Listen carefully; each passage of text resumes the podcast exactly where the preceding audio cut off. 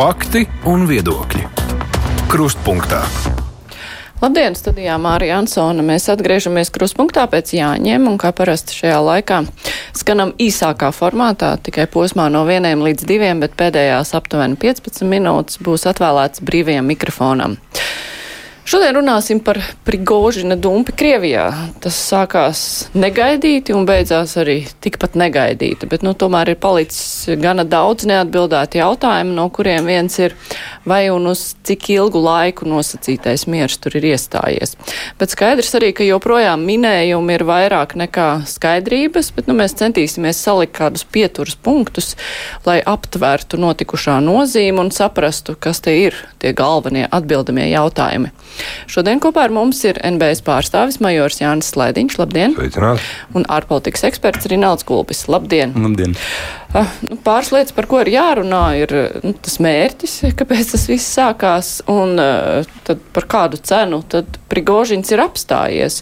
Cik mēs vispār varam spriest par Prigožina plānu, vai viņš gribēja tikai nogāzt šīs augstākās amatpersonas militārās, par ko bija runa apturēt uh, līguma, nu, aizsardzības ministrijas pakļautībā Vāgneriešu nonākšanu, vai varbūt tur bija kaut kas vairāk, nezinu, gāzt Putinu, ieviest militāro diktatūru. Varbūt vēl ir kāds variants. Cik daudz mēs varam saprast, kas tur īsti bija?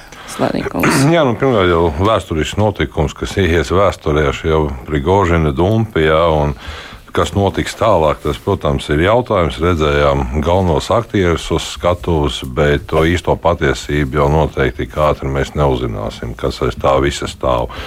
Bet, ja mēs runājam par Prigožinu kā tādu personību, nu, jāsaprot, ka viņš ir tomēr, pirmkārt, jau viņš ir bagāts cilvēks, viņam ir ļoti liela ietekme Krievijas pietuvinātam prezidentam, nu, Putinam. Jā, viņam arī atbalsta pietiekami nopietni spēki, pietuvināt Putinam. Jā, bet nu, redzam, ka ļoti iespējams. Ka viņš varēja šādi uzstāties pret Krievijas militāro elitu, un Putins no sākuma neiejaucās, bet beig beigās tomēr redzam, ka viņš tika Prigožins atbīdīts no lietām, viņam vairs nedēļ šos cietumniekus, iespējams, bruņojumu. Un pie Bahmutas izskatās, ka viņš radikalizējās. Jā, un viss šīs runas, kad pie visi vainīgs Šoigu Gerasimovs. Un es domāju, ka uh, punktu pielikt tas, ka 1. jūlijā visiem Wagneriešiem bija jāparaksta līgums par iestāšanos Krievijas bruņoto spēku sastāvā. Bet tas, eh, jūsuprāt, tas eh, publiski deklarētais, ka viņš vienkārši grib nogāzt uh, militāro vadību, ka viņš ir neapmierināts ar Wagneriešu nonākušanu zem aizsardzības ministrijas, ka tas arī ir tas iemesls, un viņš viens pats arī tur to visu Jā, nu, organizē. Izskatās, ka viņš baidījās zaudēt savu, savu armiju. Tātad jāsaprot, ka Wagneris sastāv no divām daļām. Cietumnieki tas ir tikai tā redzama programmā, bet otra puse ir tie nopietni algotņi, jā, kā, kas ir Sīrijā un Āfrikā darbojušies. Un, Tie ir cilvēki ar labu militāro pieredzi, un, protams, tāda zaudēšana, kā saka, privāto armiju, nu, tas viņam būtu zaudējums. Bet tas izklausās pēc tā, ka viņš darbojās viens, vai tā varētu būt? Pateikt nevar, bet pēc pieejamās informācijas, ko mēs redzam atklātajos avotos, īstenībā cita neviena atbalstītāja viņam nebija. Ja, ļoti iespējams, ka viņš gaidīja, ka šī gainā viņam pievienosies kāds no Krievijas elites, iespējams, Krievijas bruņotie spēki nepārgāja. Bija daļas, kas atsevišķas, jā, kas pievienojās. Bet es domāju, te ir pavisam vienkārši, kad Krievijas valdošā elite, ja būtu jāizvēlās starp Putinu un Prigožinu, tad labāk deva tomēr būt uzticīgi Putinam, nevis Prigožinam, kurš visu valda savu kuvaldu, kā saka, rāmūnijā viens darbojās vai saziņā ar vēl kādu, jo versijas ir dažādas, ka līdz pat tam, ka FSB ir visu zinājuši, ka grib novainot Putina autoritāti, un tāpēc eh, līdz Putinam arī tās ziņas nav nonākušas, tajā pašā laikā arī tas eh, piedošanas moments, tas, ka, ka Prigožins nekādi netika sodīts, vismaz ja mēs to nezinām, bet uh, publiski ir, ka viņiem ir piedots un nav pat šīs te lietas uzsāktās, uh, nu tad pēc kā tas izskatās? Ja mēs raugāmies vēsturiski, tad uh, mēs redzam Prigožinu ļoti lielo pietuvinātību uh, Putinam un, un, un viņa elites uh, augšgalam. Un tas, ko mēs šeit arī varējām vērot, um, ir visticamāk tas fakts, ka um, diez vai uh, drošības dienas tik ļoti sargā uh, Putinu no dažādu veidu informācijas, kā to mēdz tiražēt arī plašsaziņas līdzekļi, ka Putins tiekot sargāts no visa un, un bezmaz vai Viņam tiek ražotas speciālas ziņu pārraides un speciālas avīzes.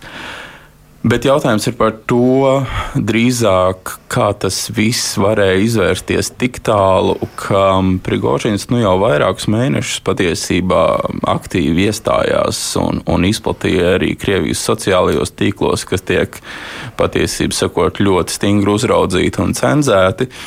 Ka viņš varēja izplatīt šo savu informāciju un, un mērķtiecīgi to izplatīt Krievijas iedzīvotāju vidū.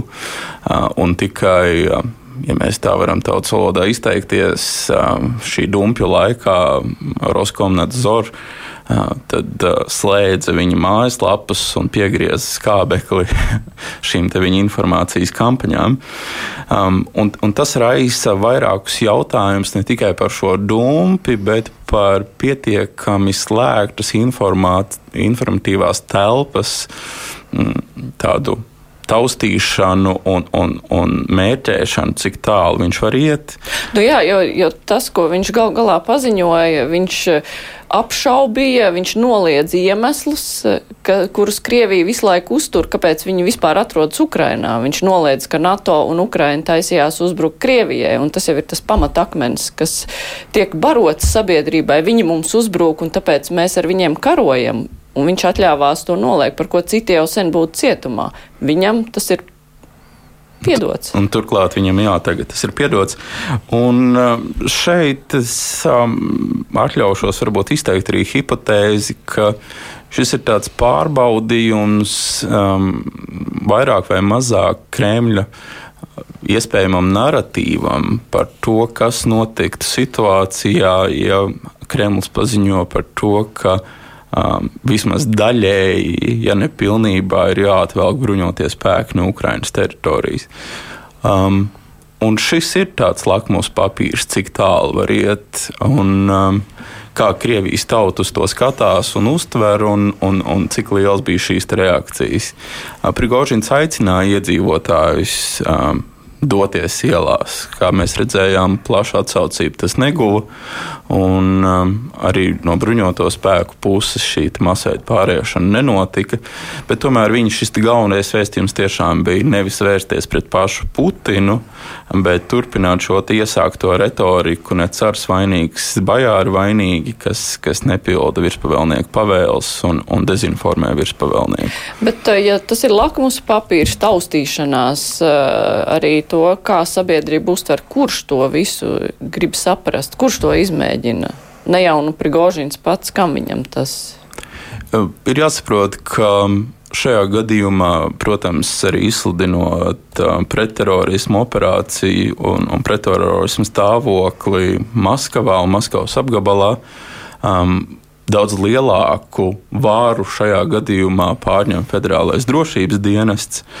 Un um, bez federālā drošības dienesta analīzes um, nekas um, Putinam pietuvinātās elitēs nenotiek.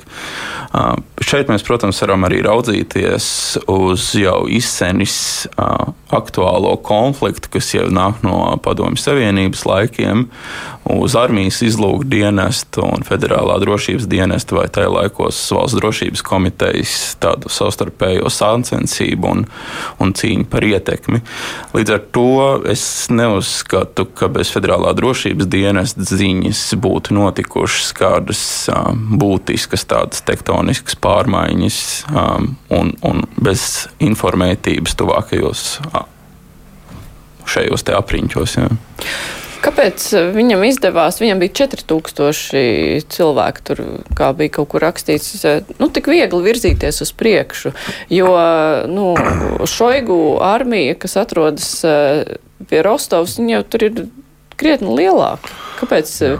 viņi negribēja vienkārši Jā, sākt nu, kauties? Vai... Rostov tomēr ir, protams, tas liels militārais centrs dienvidu kara apgabals, bet es pieļauju, ka Krievijas valdošā vēl darīja visu, lai nebūtu sadursmes. Un tas atkal būtu uz fronti.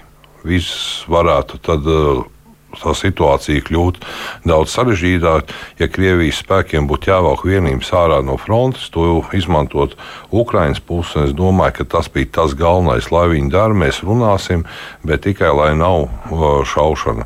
Uh, tas, ka tur jā, bija pabombardēji no aviācijas, uh, Prigožina kaujinieki notriec septiņas no nu, lidaparāts, tas arī fakts. Jā.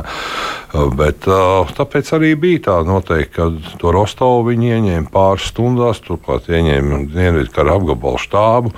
Nu, tur, protams, runāja vadība. Jā, un, Un tā viņš domāja, tas ir viegli, braucam tālāk uz Maskavu. Bet gal galā, kāpēc viņam tik viegli piedeva? Nu, kā tas atrisinājums varēja nākt, jo nu, tas, nu, Lukašenko tur labi veids kaut kādas, ja viņš ir iesaistīts, veids kaut kādas pārunas, bet Kā var vispār kaut ko tādu tik viegli atrisināt? Te bija reāls dumpis, te tāda sajūta, ka, nu kā galā var būt tikai karātavs pēc tās uzrunas, ko Putins teica televīzijā, kur viņš viņu vārdā nesauc, tikai runāja par nodevējiem. Un te pēkšņi viss piedots. Nu, mēs jau vēl nezinām, kas tur būs, jo Putins ir KGB skolu viņa nodevību nepiedod. Arī viņš savā uzrunā to teica. Jā. Mēs zinām, kas notiek, ka visiem nodevējiem viņi pazūd pēc tam. Nu, jāskatās, kā tā situācija attīstīsies, un šobrīd vēl pamaz ir tik ticams informācijas, bet noteikti viņi nāks katru dienu vairāk būs zināms, kas tur īsti ir.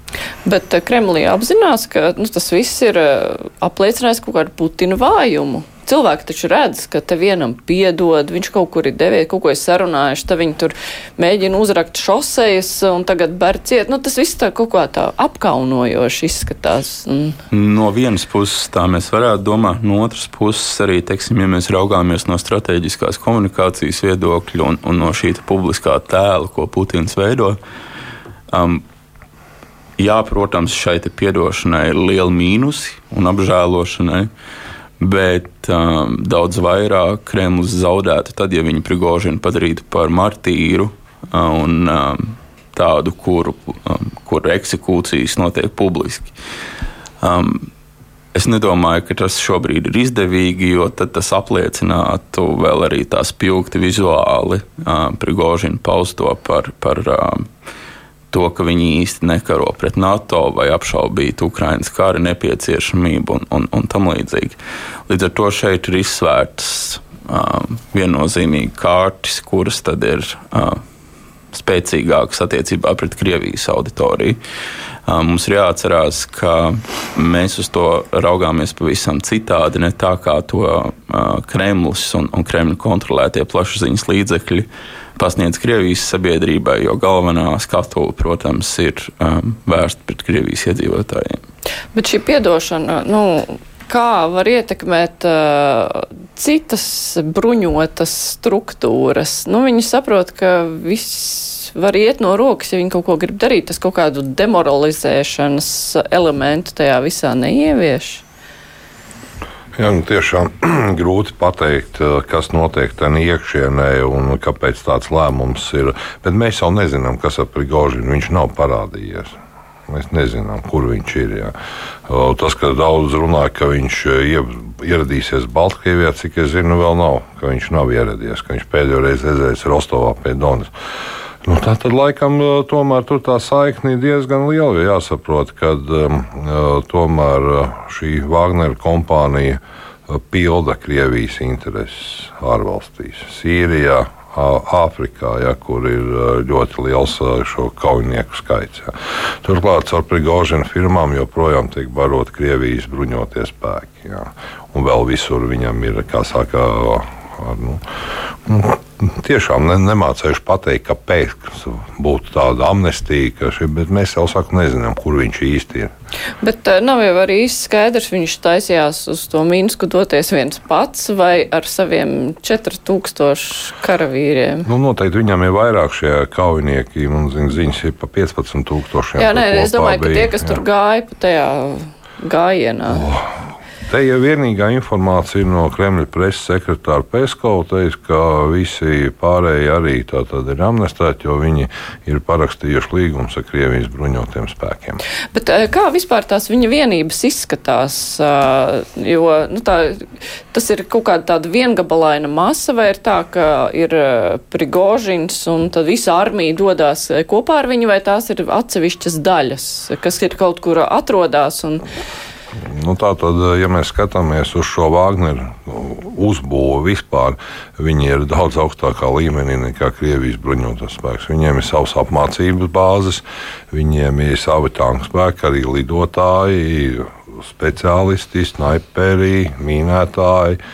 Un, uh, galvenā bāze atrodas, ja nemaldos, taisnība dienvidu kara apgabala teritorijā. Ja. Un, uh, tas tiek vadīts, jo nevajag aizmirst, ka arī īstenais būtībā Wagner dibināšanas iniciators ir, nemaldos, uzvārdā Truševs. Tas ir Krievijas ģenerālis, jā, kas ir īstais. Bet mēs viņu neredzam. Tāpat mēs neredzam arī šo pašu Dmitriju Jutkinu, kurš bija pats pirmā persona šajā Wagner grupējumā.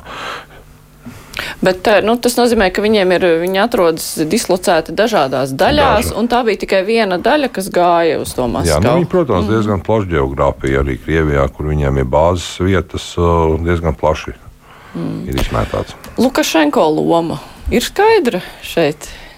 Es domāju, tā ir viena no vislielākajām mīklām Lukašenko iesaiste. Protams, ka um, no Kremļa tiešā veidā tas būtu pazemojoši, ja kāds no Kremļa vadības iesaistītos sarunās ar, ar Prigožinu, nosaucot viņu pirms tam televīzijas tiešraidē vai vismaz ierakstā par nodevēju un pēc tam. Vest ar viņu sarunas. Bet, um, un, protams, Lukašenko zināmā mērā pilda tādas vasaļu funkcijas um, Kremļa varas vertikālē. Un, uh, Un, un tas zināmā mērā arī izskaidro to um, Prigožinu lomas pazemināšanu, kā ar viņu lūk runā jau vairs ne Kremlis pat, pa tiešiem sakariem, bet jau nākamais līmenis, kas ir brālīgās kaimiņu republikas vadonis un, un, un Lukašenko ir izpildījis šo savu uzdevumu. Ir tiešām jautājums par to, vai viņš iet viens pats uz Mīnsku, un ja viņš tur aiziet vai ar kādu zināmu kaujinieku daļu. Bet, um, un vai tas nerada apdraudējumu pašas Baltkrievijas iekšēnē? Bet, kas tad ir tas savukārt Kremļa solījums uh, Lukašenko? Bet, uh, protams, tās ir spekulācijas un minējumi, ko mēs varam tikai izteikt. Tas, uh, tik smagi kontrolētā drošības un informācijas telpā ir, ir gana grūti šobrīd izcināms. Nu jā, tās spekulācijas ir tiešām daudz, jo bija variants, ka ja Prigožins ierodas ar kaut kādiem saviem kaujiniekiem, ka viņi varētu uzbrukt uh, Kīvai, piemēram. Cits variants, ka tā kā būs NATO samits, tad Prigožins tur stāvēs un rībinās bungas ar saviem kaujiniekiem uz Viļņas pusi. Nu, tie varianti ir dažādi un nav skaidrs. Ja mēs runājam par uzbrukumu Kievas virzienā, tad mēs, ja mēs atceramies, kā bija pagājušajā gadā, jau 4. februārī, cik liels bija grupējums ar kādu kaujas tehniku, kuri tur rāva šo fronti. Jā, un virzījās uz Ukraiņas galvaspilsētas. Šodien mēs pa dažiem arī kaut desmit tūkstoši kaujinieki viņi nešķirs absolūti uh, tur neko. Jā, nu, protams, tas ir interesanti šī Lukašenko uznākšana uz skatuves viennozīmīgi. Vai viņam noderētu šādi, kā saka, rīki rāvēja banda, ja, profesionāli algotņi, ja, savas varas uh, balstīšanai. Kas to lai zinām. Nu, arī pašam Lukašenko ir privātā militārā kompānija, kas ir Baltkrievijā, kas ir viņa uzticamības personas regulēta. Tā kā nevar teikt, ka viņš ir tur viens pats, jā, viņam arī savi spēki. Bet tiešām interesanti, jā, ko viņš ar šiem kaujiniekiem, kas varētu tur izvietoties. Bet uzbrukums uz Kijevu ir ļoti, ļoti maz ticams. Jā. Bet nu, visa šī rezultātā nu, tā nesenāk, ka Vāgnerieši tagad ir saskaldīti bez kaut kādas vadības un ka vienkārši tāds nu, spēks, ko Krievija ir uzskatījusi sev kā būtisku spēku, kas var kaut ko izdarīt karā Ukrainā, vienkārši tā tiek nu, tāds degradēts. Nu, skatoties, kā viņi izpildīja, jo, teiksim, protams, ir viegli paņemt cietumniekus un astoņus mēnešus dzīt uz priekšu viņus, jā, un tādā veidā uh, sasniedzot kaut kādus panākumus. Nu, Krievijas bruņotie spēki, lai cik viņi ir uh, neefektīvi uzbrukumā, nu, tā viņi neatļautos darīt, vienkārši upurēt cilvēkus. Uh, bet es domāju, ka Vāgner pats Prigožins ir zaudējis savu grupē. Vismaz pagaidām tā izskatās. Jā. Un, ja būs nepieciešams jauns, nu, izveidos jaunu, nu, ieliks citu vadoni, kas pildīs Krievijas intereses kaut kur pasaulē. Bet to ir tik viegli izveidot. Tur jau nu, tomēr darbs jāiegulda, Jā. lai izveidotu kaujas spējīgu. Jā, bet algotņi būs vienmēr, kur būs gatavi iet pa naudu, cīnīties, slepkavot, laupīt vai atbalstīt kādus politiskos režīmus jā, citās valstīs. Tāda būs vienmēr. Cik daudz Krievijā ir tādu armiju? Teiksim, manā rīcībā ja vismaz bija zināms, ka kopumā ir ap sešām, septiņām privātām militārām kompānijām. Ja. Ir kas uz jūras darbojās. Ir arī apmācība, ir arī galēji tādi labēji, nu, tāda krievu nacisti, ja, kur arī viņas visas ir bijušas Ukrajinā piefiksētas kopš jau 2014. gada. Kāds viņiem ir status? Nu, es tā grūti iedomāties, ja šie Latvijā būtu kaut kāds privāts militārs grupējums. Es, eh, nu, tā man grūti to iedomāties. Viena tur... mil privātā militārā kompānija bloķēja 14. gadā Krimā visu Ukraiņas eh, jūras spēkus. Jā, tad uh, viena militārā kompānija nodrošināja jau, kad bija Donētas, Luhanskas apgabals jau Krievijas kontrolē, tad nodrošināja apsardzi uz uh, dzelzceļa līnijām, lai varētu nākt kravas pāri. Vāgners jau arī parādījās jau Ukrainā, ja nemaldos, jau 14. gada beigās jau viņš tam bija. Ja tā, ir apmācīta dažās privātas militāras kompānijas, kuras apmācīja prokrievisko spēku kaujinieks, izveidotajās apmācību bāzēs. Un tā, tādā veidā viņi darbojās. Nevienmēr viņi, protams, būs priekšējās līnijās, nevienmēr viņi uzbruks. Ja, bet uh, tur ir tā lieta, ka tie ir speciālisti. Tie nav vienkārši. Un tos veikalā nenopirks. Un tāpēc arī Prigožins noteikti sāk uztraukties, ja, ka taisni šo eliti viņu tagad mēģina kaut kā ierobežot, pabāzēm Krievijas aizsardzības ministrijas, ja, jo tie tomēr ir nu, profesionāļi. Bet nu, kopumā tas sausais atlikums no visa šī dumpja, nu, tā mums no malas skatoties, ir tādā ziņā pozitīvs, nu, ka tas viss ir viņus vājinājis. Vai nav? Viņus, jā, nu, protams, priekš Ukrainas būtu labāk, ja tur tiem, tiešām viņi būtu sākuši kādu šaušanos to varētu izmantot. Bet, kā jau sākumā teicu, es domāju, ka Krievijas militārā un politiski var saprast, ka to nedrīkst pieļaut, lai neizjuktu fronti. Jo, ja tur sāktu vilkt ārā spēkus, tur varētu izveidoties nu, diezgan liels hauss. Bet tā, tā um, Maskava Kremļa elites pamukšana no Maskavas, kur lidmašīnas uzreiz viss laidās projām, nu, Krievijas sabiedrība to vispār pamanīja? Nezinu. Gan jau ka pamanīja. Atsevišķos telegramu kanālos, kas, kas līdzīgs bija jautājums, vai to redz arī Krievijas iedzīvotāji, to, ko mēs redzam, mm. Um, vai tas netiek kaut kādā veidā slāpēts. Bet uh, tas, kas viennozīmīgi ir arī jāapzinās, ka šo te Wagneru un, un, un citu tā saucamo privāto militāro struktūru, jeb armiju integrēšanu Krievijas bruņotajos spēkos. Um, arī varētu nenest uh, tos gaidītos augļus, kādus um, saskata Krievijas um, militārā elite. Jo ir jāatcerās, ka Krievijas bruņotie spēki noteikti nevar atļauties šiem profesionāliem algotņiem. Kā Slaidņkungs teica, kam tiešām ir um, laba militārā pieredze, karojot gan, gan Ziemeļāfrikā, gan, uh, gan Sīrijā. Un, uh, Līdz ar to, ja viņi nonāk Krievijas bruņoto spēku pakļautībā, tad ir jautājums, um, vai viņi bu, turpinās būt teiksim, tā, tikpat efektīvi uh, karotāji, kādi viņi ir varbūt bijuši līdz šim, uh, kad uh, viņu atalgojumu ir nodrošinājis Prigožins no saviem resursiem un, un, un, um, un pakļautības. Uh, šīm struktūrām. Līdz ar to šeit viņi nekaros ideoloģijas vārdā. Viņi nekad to nav darījuši, viņi to ir darījuši par naudu. Protams, izņemot šos kriminālu noziedzniekus, kurus Prigožins savervēja no cietumiem un tam līdzīgi. Un, līdz ar to tas ir tas jautājums, kas notiks ar viņiem, kad viņus integrēs Krievijas bruņotajos spēkos. Tieši tas pats būtu, piemēram, jautājums, ja paziņotu, ka Gazprom privātā armija pēkšņi tiktu integrēta Krievijas bruņotajos spēkos, zinot to, cik būtiski atšķiras šis atalgojuma līmenis gan, gan Krievijas armijas šiem karavīriem, kas ir arī tā saucamie līgumnieki, gan, gan, piemēram, ja mēs salīdzinām ar to, kāds ir atalgojums Gazprom šeit privātajai armijai. Bet Kāpēc tik ļoti vajadzēja viņus integrēt šais Krievijas bruņotajos spēkos? Jo arī viena no versijām bija, būtu FSB pateicis Putinam ka, un Šoigu, ka taisās tāds dumpis, ka tad viņi nebūtu to mēģinājuši bīdīt. Bet cik izšķiroši ir Krievijas armijā viņus dabūt zem sevis? Sāksim ar to, ka, protams, redzam šo Krievijas bruņoto spēku neefektivitāti, tāpēc, ka tur ir viss kaut kas mobilizētie varu, brīvprātīgie, cietumnieki, regulārie spēki, tā vēl kā dīravieši. Un, protams, karaspēka virspavēlniekam ir ļoti grūti šādu mīklu izmīcīt, lai viņi būtu kaujas spējīgi un pildītu uzdevumus.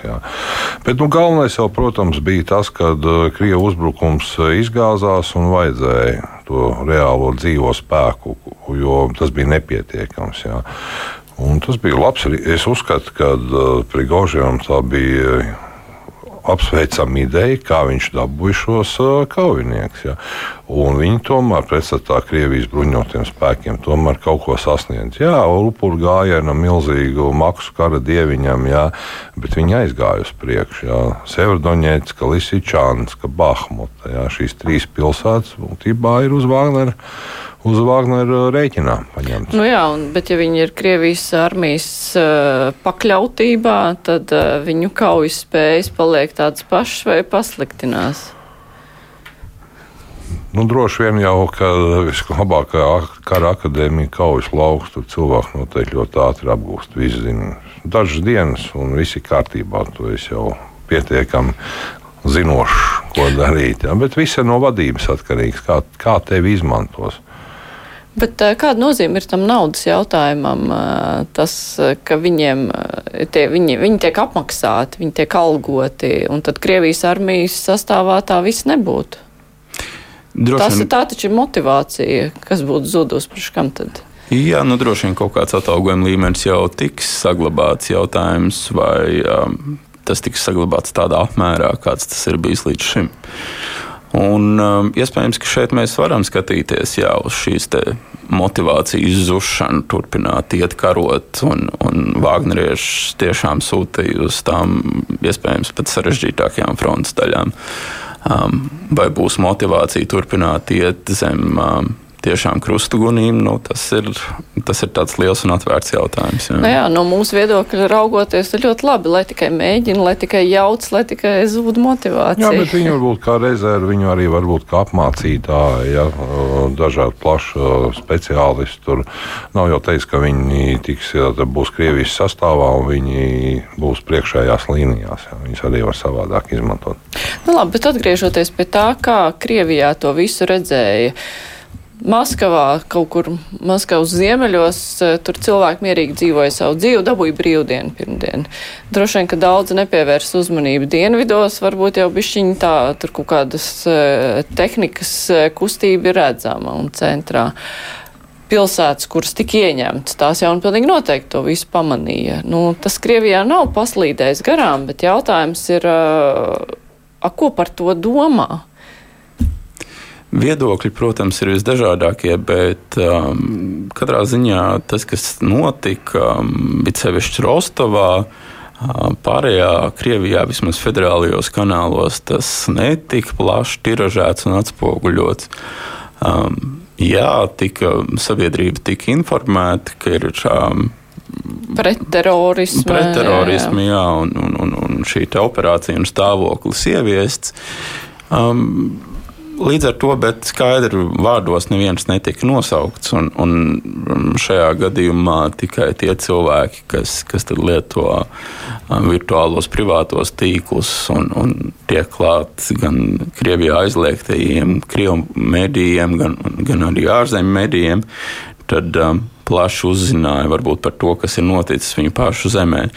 Um, tas, kas izskanēja, bija, ka atsevišķi gubernatori ceļš dienvidu apgabalos um, aicināja saglabāt cilvēkiem mieru un, un ne, ne, uh, pamest ielas un nepulcēties. Un, Protams, vis, vislielākā, visvairāk tam uzmanību pievērs jaunieši, jo tika atcelti visi izlaidumu laika pasākumi, sārtās būras un tam līdzīgi. Tā kā jaunieši varbūt par to pat painteresējās vairāk, kāpēc tas ir noticis. Un jaunākajai paudzei tad varbūt arī bija šī informācija visām tiešāk pieejama un, un, un, un iegūstama. Bet eh, vai var uzskatīt, ka Krievijas sabiedrība, labi, ne jau visa, bet kaut kāda daļa beidzot uh, sajūta, ka notiek karš, ka tas attiecas arī uz viņiem, jo līdz šim, nu, karš ir tur kaut kur, un mēs pat vispār nedomājam, ka kaut kas tāds notiek. Un tagad uh, var cerēt, ka viņi sāk domāt mazlietiņi. Nu, es domāju, lai Krievijas iedzīvotājs sāk domāt, viņam ir vajadzīgs. Nu, līderis, kam viņi uzticās. Krievijā šobrīd, nu, Prigožins nedomāja, ka līderis tas vienkārši. Nu, Kā saka, grupējuma vadonis. Bet nu, kas Krievijā nemainīsies? Nu, nav līderi, kam uh, tiek Krievi, Krievijas iedzīvotāji tagad uzticētos. Jā. Nu, pēdējais tāds tiešām bija, tas bija Ņemcovs, jā, kam uzticējās, kurš varētu kā leģins uz bruņmašīnas, izbraukt laukā un sekot viņam. Nu, tagad šobrīd nav. Es domāju, ka jau pēc nedēļas tur Krievijā vispār to vispār nerunās vairāk. Nu, bija tāds gadījums, pirmdien bija brīva, jā, visi baiglāmi, jā, kas tur tālāk. Tā nemainīsies nekas šobrīd izskatās. Bet Putins var justies droši, redzot, nu, ka šāds atrisinājums bija tad, varbūt būs vēl kāds. Es domāju, ka šis pasākums parādīja, ka tomēr, kad, lai neskatoties uz dažādiem, kas tur bija, ka tomēr šī Krievijas politiskā vara ir pietiekami stingra šobrīd. Tas, ka viņiem nāksies iespējams mainīt, kaut ko tīrīt, teiksim, gan bruņoto spēku vadībā, gan arī iespējams drošības spēku, nevar izslēgt, ka būs kāda tīrīšana. Jo tomēr jāņem vērā, ka dažas federālā drošības dienesta grupiņas arī nu, vismaz tāda informācija, gan robežsardzes kaut kas pievienojās. Jā. Nu, tas, protams, varētu atstāt tādu iespēju, ka tur varētu sākt tīrīšanas, jā, bet eh, tā sajūta, tā paša Putina, nu, tā stabilitāte, nu, tā ir, jo tāpēc, nu, tas galvenais secinājums no daudz puses ir, nu, ka tas ir parādījis plaisas Kremlī.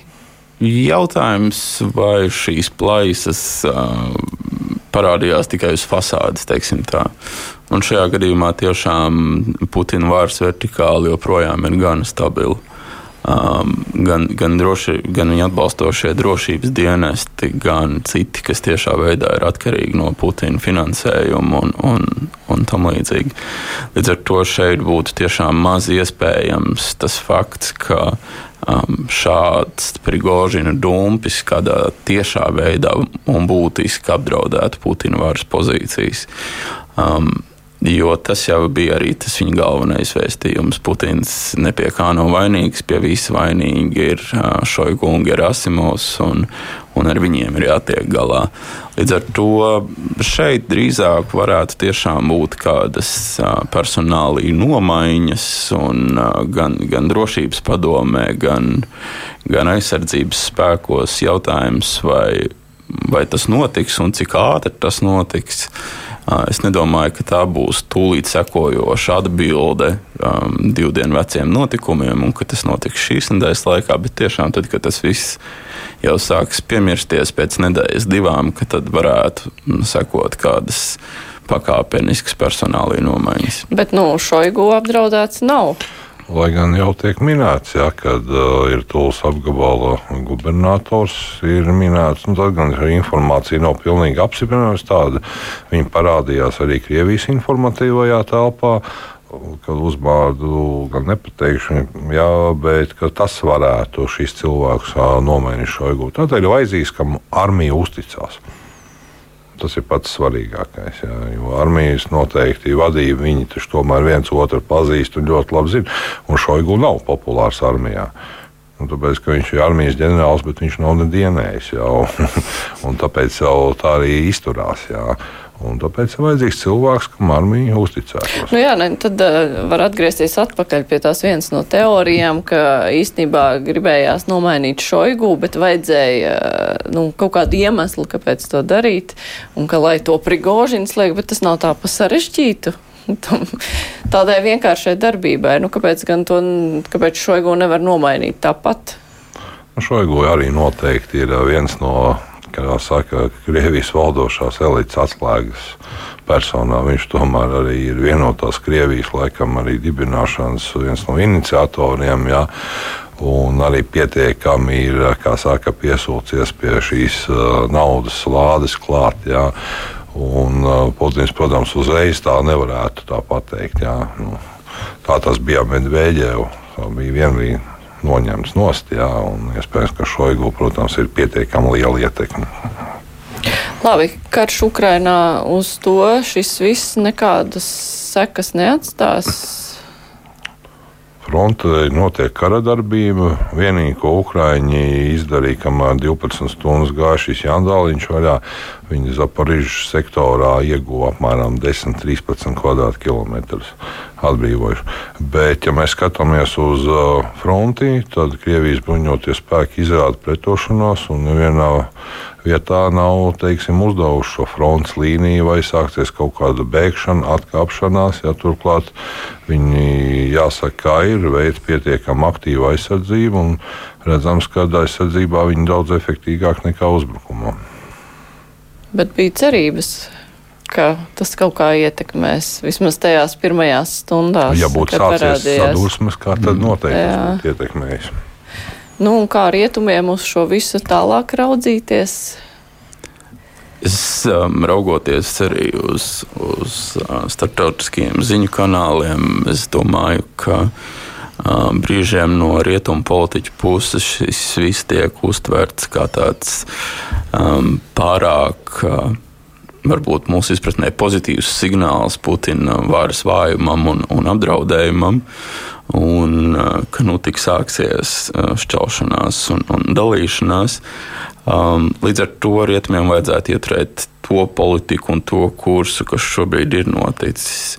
Jautājums ir arī par to, vai um, jebkuriem um, jebkurai valstī rietumos, um, gan Eiropas Savienībā, gan NATO, gan, gan citviet, būtu izdevīgi, ja pie varas nāktu um, tādi personāli kā Prigožins, uz ko daudzi Krievijas tā saucamie arī opozicionāri, kas nu jau dzīvo ārzemēs, um, ļoti aktīvi Twitterī un citos tīklos ziņoja, ka ka viņi ir gatavi pievienoties šim dumpim un, un, un viņi grib militāro diktatūru. Nu, tā vismaz Krievijā. izskatījās vismaz no dažiem no vainīgu līdzgaitniekiem, ka viņi bija gatavi saukt ielās cilvēkus un, un, un, un pievienoties dumpim. Līdz ar to šeit ir tas jautājums, nu, ka, ka tiešām Krievijā nav mūsu izpratnē normālas opozīcijas, ir sistēmiskā opozīcija un pašpasludināti martīri. Um, un, um, jautājums ir par to, kas tad nāktu vietā. Un vietā šobrīd īsti nav kam nākt. Nu jā, nu Krievijai jau ir pieredze ar, nu Krievijas opozīcijai pieredze savā laikā, kad mēģināja pilnīgi liberāļi sajiet kopā ar limonaviešiem un kaut ko paveikt, un viņiem nekas kaut galā nesanāca. Saka, mums skatāmies 17. gadu, tur arī bija kaut kas līdzīgs. Jā, bolševiki, menševiki un demokrāti, un beigās, kas tur no tā viss sanāca. Jā, jā bet, nu, tad rietumiem, ja viņi pārāk rožaini uz raugās uz šiem procesiem, tam var būt arī kaut kādas sliktas sekas, vai arī vienkārši nekādas sekas. Nu, pēc tam gan jau sapratīs, ko šis viss dumpis ir nozīmējis. Vai arī ir bīstami, ka tagad sacerās, ka kaut pozitīvi, pozitīva viļņošanās notiek? Domāju, tas bija tāds, ka viss tas sākās. Tad tiešām es arī paskatījos ārzemju presi. Tur bija tāda eiforija, ka tūlīt viss uh, Krievijas valdošā vara sabruks. Jā, pilsoņu karš, un, pilsoņu karš mm. jā, un diktatūra tiks uh, likvidēta. Jā. Bet tiešām, kas tad to diktatūru tur likvidēs? nāca viens vīrs ar āmuru, ar ko viņš parasti nāca jā, pa priekšu. Nu, un tādam uzticēt var, un es domāju, ka tur tiešām būtu vēl trakāk nekā tas ir tagad. Jā. Jā, nu, katrā ziņā šis notikums tā kā parādījās, kā spoks pusnaktī, tā arī viss izbeidzās. Nedēļas vairs neviens par to neatcerēsies. Vairs neatcerēsies. Labi, bet eh, šodien mēs par to runājām ar eh, Rinaldu Gulbu, ārpolitikas ekspertu un Jānis Laidiņu, NBS eh, pārstāvi majoru. Tagad būs brīvais mikrofons, un droši vien, ka mēs varēsim turpināt šo sarunu jau ar klausītājiem. Bet viesiem es saku. Paldies! Paldies.